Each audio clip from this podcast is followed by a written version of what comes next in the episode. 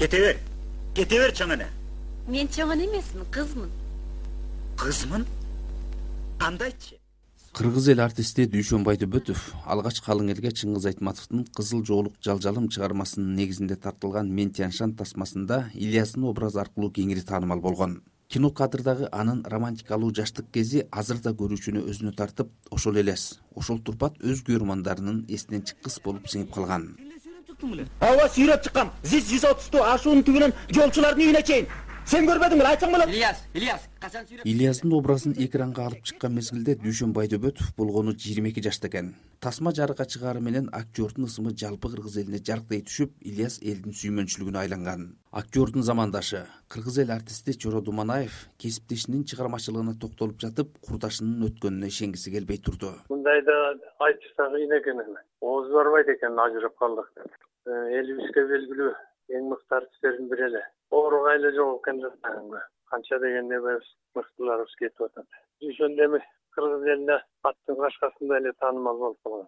Кинолорунан болобу театрдагы спектакльдеринен болобу. Думанаев актердун дагы бир кайталангыс образы катары ак баранын көз жашында базарбайдын кейипкерин келиштире аткарганын белгиледи. Бостаке бостаке деп сыйлап койсо кудайдын сакалын тутаңдап тургансып калган экенсиң э алтын берсең да сатпайм мен са жылкыңы жыйнап ышкырсаңчы эй сен бостон болсоң а мен базарбаймын.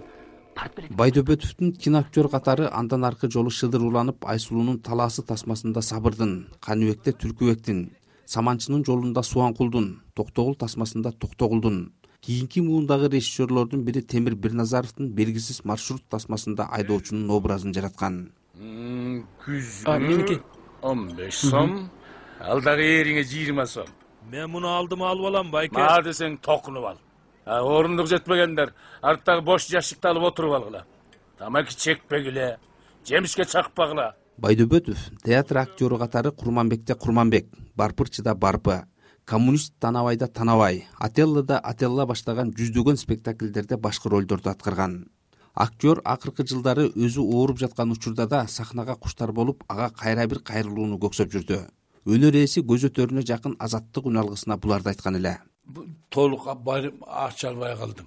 Мындай буга күчүм жетмек бирок ача албай калдым деген себебим ойдогудай баардык нерсени ойной алган жокмун. Ойдогудай баардыгы болбой калды. Мен көп нерсеге жетпей калдым. Көп нерсеге. Колуман келмек.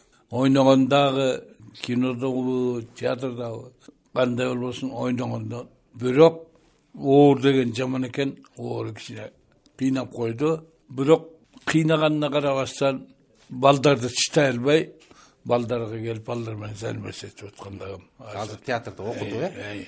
Азыр э, кайсы сабактан бересиз? Актерлук чеберчиликтен бересиз да жок неме мурда андан да бергем. Анан кийин актерлук чеберчиликтен бериш үчүн кичине өзүң дагы жакшы болушуң керек. Анан өзүң начар болуп турсаң актерлук чеберчиликтен бере албайсың мен көркөм окуудан берип жүрөм азыр.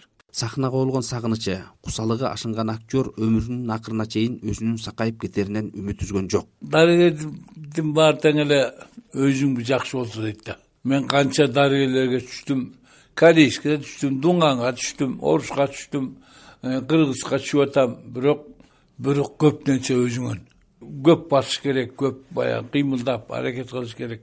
Анан аракет кылып жүрөм анан кийин кыргыздар айтат мунун убактысы болот инсульт деген убактысында өзүнүн убактысы келгенде кое берет дейт. Анан качан кое берет? деп мен күтүп жүрөм. Дүйшөн байдөбөтов трагедияны да комедияны да бирдей ойногон. Ар бир ойногон ролун чын жүрөктөн жараткан актер эле бул тууралуу кыргыз академиялык улуттук драма театрынын көркөм жетекчиси назым меңдибайыров кеп салды. Дүйшөн агай мындайча айтканда бир целый эпоханы алып жүргөн адамдардын чыгармачыл инсандардын бири болчу.